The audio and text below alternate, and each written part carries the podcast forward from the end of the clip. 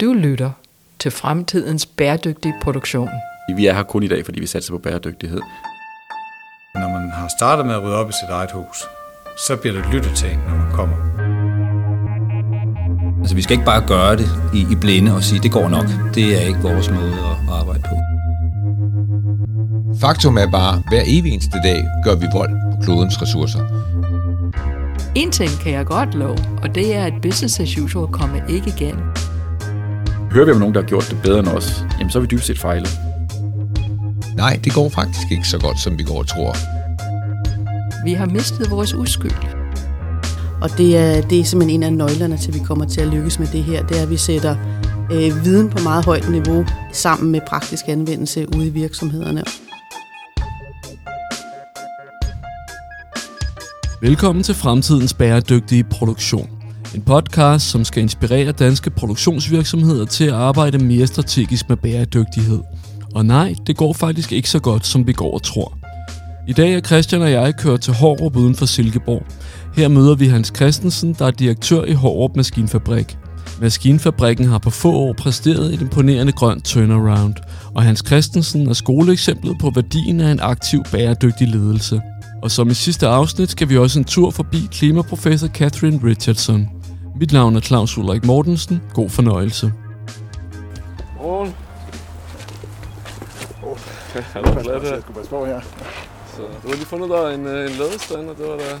Jamen, de skriver, de skriver jo på, øh, Ja. på, de skriver på hjemmesiden og på listen af ting der, at, øh, at de har taget ladestand op, man til øh, afforladelse for gæster. Hej, vi har en aftalt med Hans øh, her kl. 8.30. Vi sidder her på Råb Maskinfabrik, som er en maskinfabrik, som ligger omkring øh, 5-6 km uden for Silkeborg i retning mod Aarhus. Øh, og her har vi ligget siden 1970. Øh, firmaet det er stiftet i 1964 af min far, og vi har al den tid, vi eksisteret, leveret udstyr til betonindustrien. Og øh, det vi leverer, det er blander- og doseringsanlæg, det vil sige, det der, hvor man på store industrielle anlæg øh, blander øh, materialerne til at lave beton. Øh, vores primære kunder, det er så dem, der laver belægning, sten eller betonrør eller, eller betonelement, eller kører ud med beton i, i betontransportbiler. Øh, vores marked er øh, Europa, Nordamerika og Australien. Øh, og vi er i alt øh, 110 mand og kvinder, øh, hvoraf de cirka 10 de arbejder i øh, USA i vores afdeling derovre. Øh, ja, mit navn det er jo så Hans Christensen, og, og jeg har arbejdet her i firmaet i øh, et kvart århundrede efterhånden. Og, øh, jeg er ejer og direktør for Hård Maskinfabrik, øh, og jeg har en, en baggrund. Øh, jeg har været i herren, jeg har øh, læst kan og, og så på et tidspunkt, da jeg så begyndte herude, og de første år, jeg var herude, der arbejdede jeg som montør, og så har jeg arbejdet i salg og vores øh, tekniske afdelinger, og nu står jeg jo så som chef for firmaet. Det vi primært har fokus på, når vi snakker bæredygtighed her i firmaet, det er øh, vores klimaindsats. Øh, når man snakker bæredygtighed, eller for eksempel FN's verdensmål, så er der jo mange forskellige mål, man, man kan forsøge at opfylde. Øh, men vi har fokuseret primært på, øh, på klimadelen. Øh, Øhm, og grunden til, at vi har gjort det, det er fordi, at jeg mener, at den er ligesom fundamentet for, øh, at det hele det ikke falder sammen, kan man sige. Hvis der er sådan, vi ikke får styr på den del, så det sådan, virker det lidt ligegyldigt med nogle af de andre mål. Øh, men øh, når det så er sagt, så er der selvfølgelig også en masse af de andre mål, som underbygger, at man kan få styr på klimadelen. For eksempel, så hvis der er sådan, man snakker fattigdom, så er der jo øh, et vist niveau, hvor der er sådan under, hvis man er under det niveau, så er man sådan lidt ligeglad med, hvad sker der om 10 år, hvis der er sådan, man ikke kan brødføde sin familie nu her. Øh, så selvfølgelig er der en masse de ting, der hænger sammen. Øh, men vi har, vi har primært fokuseret på klimadelen her i firmaet. Jeg har personligt jo øh, været meget optaget af udviklingen på klimadelen, og specielt måske, hvad der ikke skete, og der, der synes jeg ikke rigtigt, der er sket så meget de sidste 20, 30, 40 år, som der kunne have sket. Øh, første gang jeg selv blev opmærksom på det, det var jo faktisk, da jeg var barn og hørte Chubidur-sangen med Koste Kalmborg, så det er mange år siden efterhånden. Øh, som jo egentlig var en sang, øh, en, en sjov sang om øh, klimaforandringer, men ikke desto mindre klimaforandringer. Og så havde vi op igennem 90'erne, havde vi jo Kyoto-protokollen, og, og der, var, der skete der lidt, men måske ikke så meget. Og så kom vi jo så til år 2000'erne her i Danmark, der kan man nærmest sige, der gik vi jo modsat den retning, vi skulle med, med få og, og hans regering. Øh, og de efterfølgende regeringer, der var derefter, der skete der heller ikke rigtig så meget. Synes jeg ikke i hvert fald. Øh, så i 2016, der var jeg nok kommet til det punkt, hvor jeg, sådan, at øh, jeg havde fået nok. Øh, hvor jeg synes, nej, det kan simpelthen ikke være rigtigt det her. Der sker jo ingenting øh, for, for at omstille vores samfund væk fra fossile brændstoffer. Så derfor øhm, så tog vi en beslutning om, at øh, i stedet for at gå rundt og være sådan surt løg og sige, der sker jo ikke noget, det er også for dårligt, så besluttede vi os for at, at lave en grøn omstilling af vores eget firma. Øh, og vi gav os selv på det tidspunkt fem år til det, og et budget, der svarede til 20 procent af vores årlige overskud øh, hvert år i de der fem år. Og så gik vi altså bare i gang. Der gik det jo så rimelig hurtigt op for os, at det vi skulle gøre, det var, at vi skulle stoppe med at brænde øh, fossile brændstoffer af i vores firma. Øh, og hvad er det så for nogle firma, brændstoffer, man brænder af i et firma som vores? Det er primært naturgas, og den naturgas blev brugt til opvarmning af vores bygninger, som er ret store. Så har vi øh, øh, brugt også olie til at varme et, olie, et øh, malerkabin op, vi havde. Og så havde vi selvfølgelig vores biler, der kørte på benzin og diesel.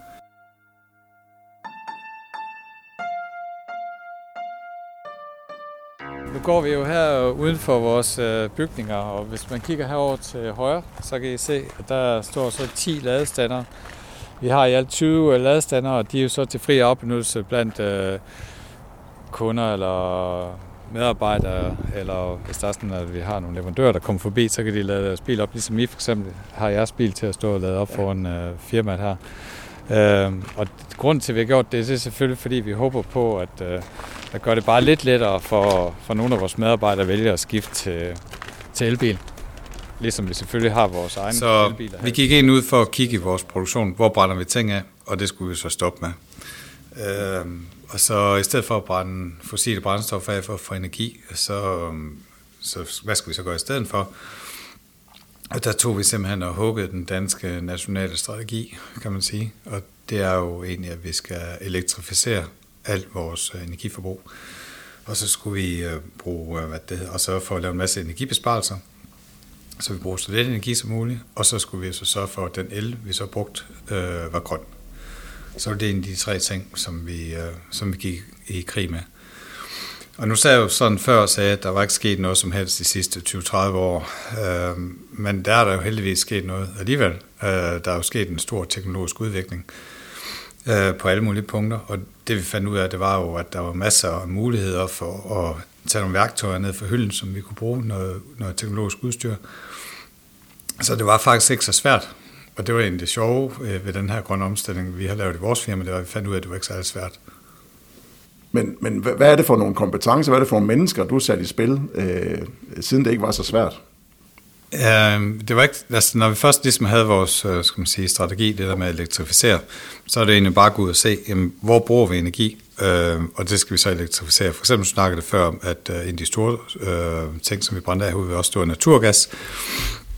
Og det, der udleder man jo over 2 kilo uh, Øh, CO2 for, for hver kubikmeter gas, man brændte af, og vi brændte jo nok omkring 80-90.000 kubikmeter om året øh, for at varme, varme vores bygninger op. Øh, og det skulle vi så selvfølgelig erstatte med noget andet, og der kunne man så gå ind og se, jamen, der kan vi bruge varmepumper, eldrevne varmepumper, og vi har så valgt at satse på øh, det, der hedder luft til vand øh, varmepumper. Øh, og det vil sige, at man tager jo ind i og udnytter varmen, der er i luften til at varme noget vand op, og den vand øh, kan man så bruge til at varme os op, altså bare ved at køre ud i nogle, nogle varme øh, enheder, som egentlig virker lidt ligesom en radiator, man har hjemme i stuen. Øh, så det er jo sådan set ikke så svært. Øh, det mindste, man skal gøre, det er at gå ud og finde et øh, godt VVS-firma, som er i stand til at lave den montage for en, og, øh, og egentlig hjælpe øh, for dem til at hjælpe dig med rådgivningen. Så vi har ikke haft nogle eksterne rådgivere indover, vi har simpelthen bare gået ud og fundet nogle gode leverandører, og så vi øh, få dem til at hjælpe os med det. Øh, så for eksempel alt vores gas øh, er erstattet med øh, varmepumper, øh, og vi havde som sagt også en gammel malekabine, som vi så også har, har moderniseret, og den har vi så også, øh, vi har bygget en ny malekabine, som simpelthen også bliver varmet op med varmepumper. Så, så den primære teknologi, vi har brugt til at, til at erstatte gassen, det har jo så været varmepumper, altså det, som man ser rundt omkring i de danske hjem, og at det foregår jo helt landet i dag. Ikke? Så det gik vi i gang med i 2016, og, og det giver faktisk rigtig god mening, med, fordi det næste, vi så fandt ud af, det var jo, at øh, varmepumper koster også en tredjedel at køre med i forhold til gas. Så det var faktisk også en rigtig god økonomisk øh, case, vi havde kørende der. Men det, det, fandt, det var egentlig ikke derfor, vi gik ind i det, men det fandt vi så ud af hen ad vejen, at det, det gav også rigtig god økonomisk mening. Det næste, vi havde, det var selvfølgelig vores biler, der brændte øh, benzin af, og, og dem har vi jo så erstattet hele vores øh, bilpark, øh, personbiler med øh, eldrevne biler, altså ikke hybrider, men rigtig eldrevne biler. Øh, og så kan man sige, kan man bruge det i et virksomhed som os? Og det kan man sagtens. Altså, vi kører rundt i hele Europa med de her biler, det er ikke noget problem. Så det er jo bare at kaste ud i det, der, det skal man ikke være bange for. Øh, så har vi selvfølgelig nogle, nogle varevogne, som øh, også kører rigtig langt til vores servicemontører, som også kører rundt i hele Europa. Og der er vi så ikke kommet i mål med, med ældre varevogne endnu, fordi de kan vist køre omkring 250 km og sådan noget. Og vi skal nok op og have nogen, der kører 600, så der går nok 4-5 år, før vi begynder at gøre det. Det vi så gjort i stedet for, det er, at vi har lavet en aftale med et firma, der laver biodiesel. Øh, så vi har købt en tank, og så kan vi fylde vores varmevogn op øh, hjemmefra, så når de kører ud herfra, så kører de med biodiesel. Og den biodiesel, det er ikke sådan noget, der er lavet på palmolie eller den slags. Det er noget, noget som bliver lavet på slagteriaffald og træaffald og den slags ting. Og, øhm, og det giver sådan en reduktion på CO2-aftryk med 90 procent på. Men det kan vi selvfølgelig kun gøre, når bilerne forlader vores matrikel. De kan ikke tanke det ude øh, i verden, men i hvert fald kan vi sende dem afsted fra med, med biodiesel i tanken.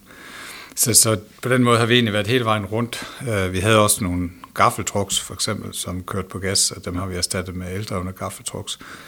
Og så alle vores maskiner, det kører selvfølgelig også på el. Så hele, hele vores produktion og vores varme internt i bygningerne, det er øh, elbaseret.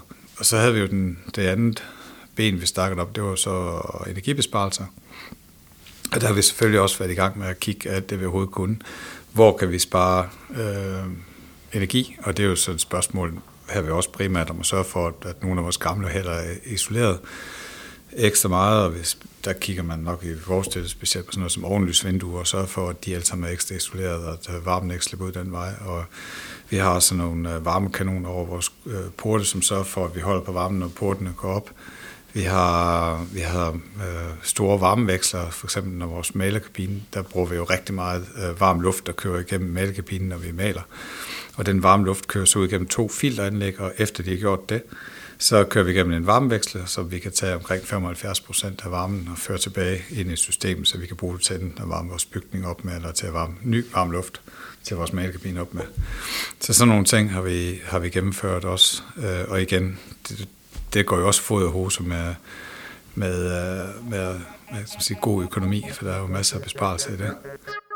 Du lytter til fremtidens bæredygtig produktion en podcast, som skal inspirere danske produktionsvirksomheder til at arbejde mere strategisk med bæredygtighed. Så herovre til venstre, hvis vi kigger op på marken, så kan vi se, at der står et af vores store øh, øh, hvad det hedder, solcelleanlæg.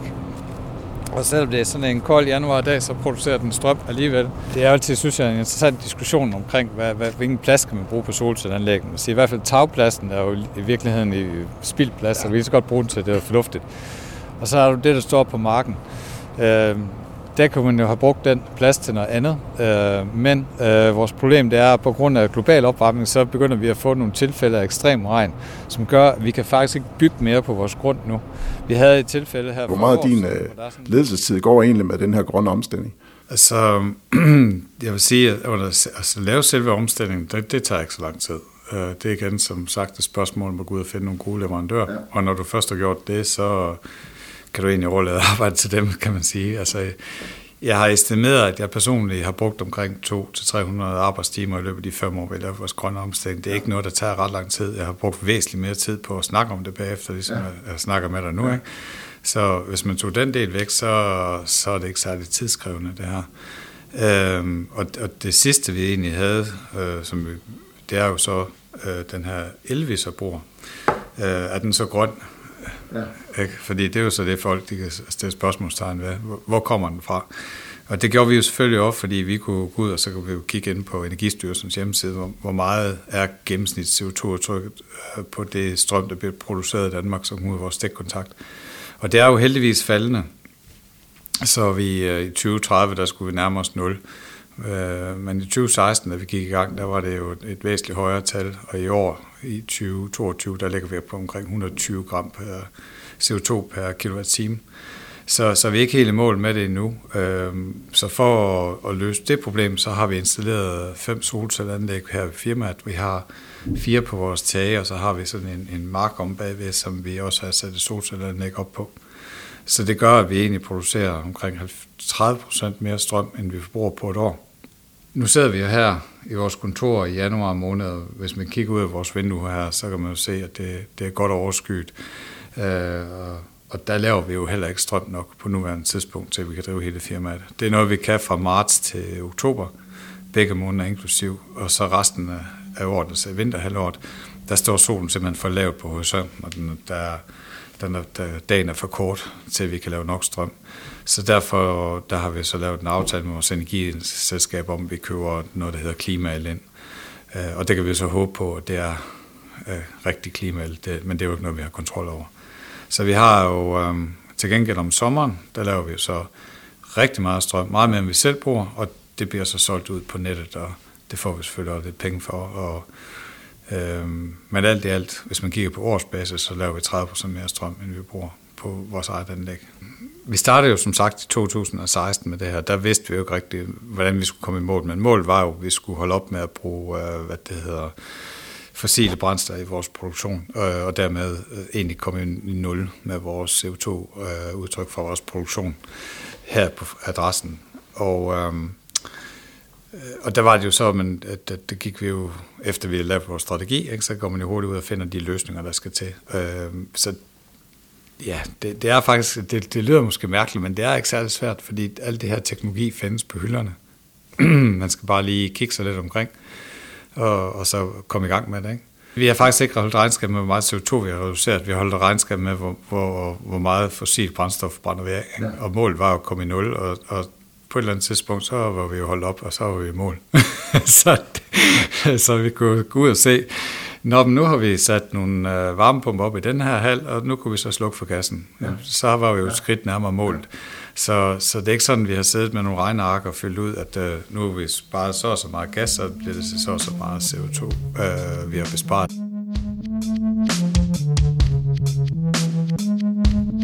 Jeg hedder Catherine Richardson, og jeg er professor i biologisk oceanografi ved Københavns Universitet, hvor jeg også er leder for Sustainability Science Center, eller Københavns Universitets Bæredygtighedscenter. Jamen altså, det er klart, at vi er begyndt at tale energiforbrug øhm, i første omgang, fordi altså, vi havde udviklet en tradition i vores samfund for, at vi fik energi ved at, at brænde fossile brændsler, og det har givet os nogle, nogle drivhusgasser som affald, der er kommet i naturen, og vi har altså set, at, at det er for meget.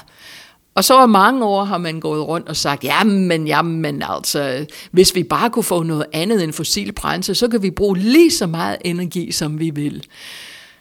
Og det, det tror jeg faktisk er, er, en fejlslutning i, i, i logikkæden der.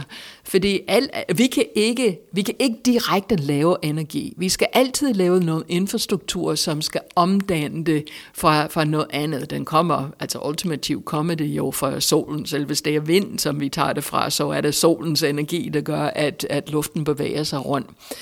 Og, og altså, vi kan, vi kan sige, okay, vi bruger vindmøller nu, men hvis vi bruger mere, mere energi end nødvendigt, så er det faktisk dyrt, fordi vi skal have flere, øh, flere vindmøller, som også gør, at vi skal bruge flere mineraler og andre ressourcer for at lave de, de vindmøller, så det, det, det genererer en, et, altså et, eller et ressourcetræk, der ikke er CO2-udslip at bruge vedvarende energi. Så energi vil altid være omkostningsfuld for, for samfund. Og, og vi, altså energi er egentlig, og vores evne til at bruge ekstern energi er egentlig det, der, der differentierer os fra andre organismer. Vi er den eneste organisme, der har lært at, at, at, at fange og bruge ekstern energi for at, at forbedre vores levevilkår. Og det har nogle omkostninger for, på jorden, altså for jorden, når vi gør det.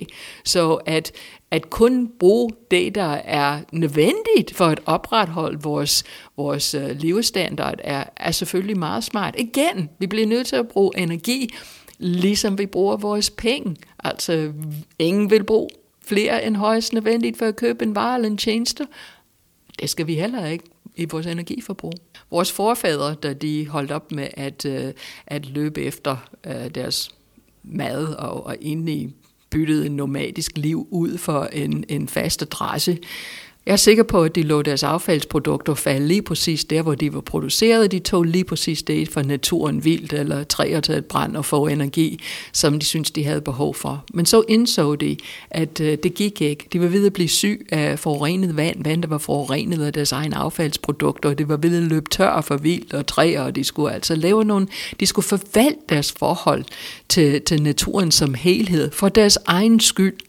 Og der, hvor vi er nu, er, at når vi ser på verdens biodiversitetskrise og klimakrise, at vi kan sige, at vi bliver nødt til at forvalte vores forhold til, til, til naturen som helhed.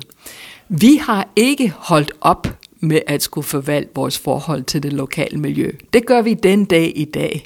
Og vi kommer til at skulle øh, forvalte vores forhold til det globale miljø fra nu og, og, og fremover. Altså det her går ikke væk, og den narrativ, der siger, at vi skal have en teknisk løsning, altså den, den er meget, meget farlig, fordi den signalerer, at lige så snart vi finder den dims lige der, så kan vi sætte os tilbage, og så er det business as usual. En ting kan jeg godt love, og det er, at business as usual kommer ikke igen. Vi har mistet vores uskyld.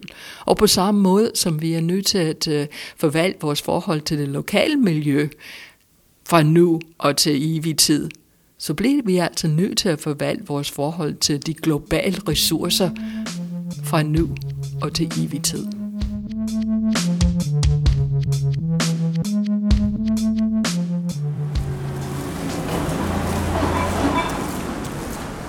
Der kan I for eksempel se, der holder en stor lastbil her. Øh, så det er jo noget af det, vi snakkede om derinde med, med den tunge transport, som øh, kører med vores uh, udstyr. Øh, men der har vi for eksempel lavet en aftale med, med en af vores leverandører, der hedder Lemmy Møller og Munk, som vi måske kender. De uh, har lavet en meget interessant ny måde at tænke tingene på. Fordi for eksempel i dansk industri, der er vi meget forkælet med, at vi kan få stål fra dag til dag. Og de har så sagt, hvad nu hvis I kun kan få det hver anden dag? Så besparer vi, øh, sparer vi en masse transportkroner, og den kan vi så bruge til at købe den her biodiesel ind. Øh, og den her diesel, den koster så 5-6 kroner mere per liter. Og, vores øh, hensigt var altid at starte med at rydde op i vores eget hus ja. først. Fordi at når der er sådan, vi skal til at kigge på, hvad der kommer ind i vores virksomhed, og hvad der sker efter vores virksomhed, så har det altid været min holdning, at man skal sørge for ligesom at have ja, fej for egen dør, ikke? før man begynder at, at prøve at lave om på andre, eller få dem til at hjælpe dem med at at forbedre nogle ting. Der er jo efterhånden begynder der jo stille og roligt at komme krav til for eksempel dem, der producerer stål, om de skal levere nogle tal for, hvor meget CO2 udgår, bliver der udledt ved, ved hver tons, de producerer. Og, og det bliver jo nok også, øh, eller ikke nok, det bliver jo fremtiden. Øh, vi har ikke fået den slags krav fra vores kunder endnu, men jeg er sikker på, at inden for to til tre år, så vil vi begynde, specielt for norske og svenske kunder, at få krav på at få at vide, hvor meget CO2 indgår det i de maskiner, som, som I har lavet. Og der er vi jo lige så stille også i gang med at, at få opbygget et system, så vi kan levere den slags øh, til vores kunder. Men, men det er enormt kompliceret, fordi der går vi virkelig fra, skal man sige, det, det der med at lave vores egen omstilling internt, det, det er jo, som jeg sagde før, rimelig nemt. Ikke? Og nu lige pludselig skal du i gang med noget, som bliver meget byråkratisk og kompliceret, fordi når man kigger på alle de stumper, der indgår i vores maskiner, er alt fra motor til endestop, til ventiler, til stål, til maling, til jeg ved ikke hvad, og skulle få, hvad det hedder, dokumentation for CO2-aftryk for alle de her dele her, det bliver ikke nemt. Det, det kan hurtigt blive meget kompliceret. Øh, Og jeg kan nogle gange også blive lidt bekymret for, om det måske også nogle gange kan gå hen og blive en distraktion for den rigtige grønne omstilling, i stedet for at vi bruger krudtet på at virkelig bare gøre tingene, at så krudtet kommer til at blive brugt på at flytte en masse papir rundt. Det kan jeg godt være lidt bekymret for. Øh, men det, er jo, det bliver jo nok en blanding, kunne jeg forestille mig. altså jeg ville jo ønske, at folk bare fik øh, uh, komme i gang med at lave deres grønne omstilling, og så måtte vi vente lidt med papirerne tilbage efter. Du har lyttet til andet afsnit af Fremtidens Bæredygtige Produktion. En podcast, som skal inspirere danske produktionsvirksomheder til at arbejde mere strategisk med bæredygtighed. Podcasten er produceret af Vigand Måge for Industriens Fond og ATV, Akademiet for de Tekniske Videnskaber. Mit navn er Claus Ulrik Mortensen. Tak fordi du lyttede med.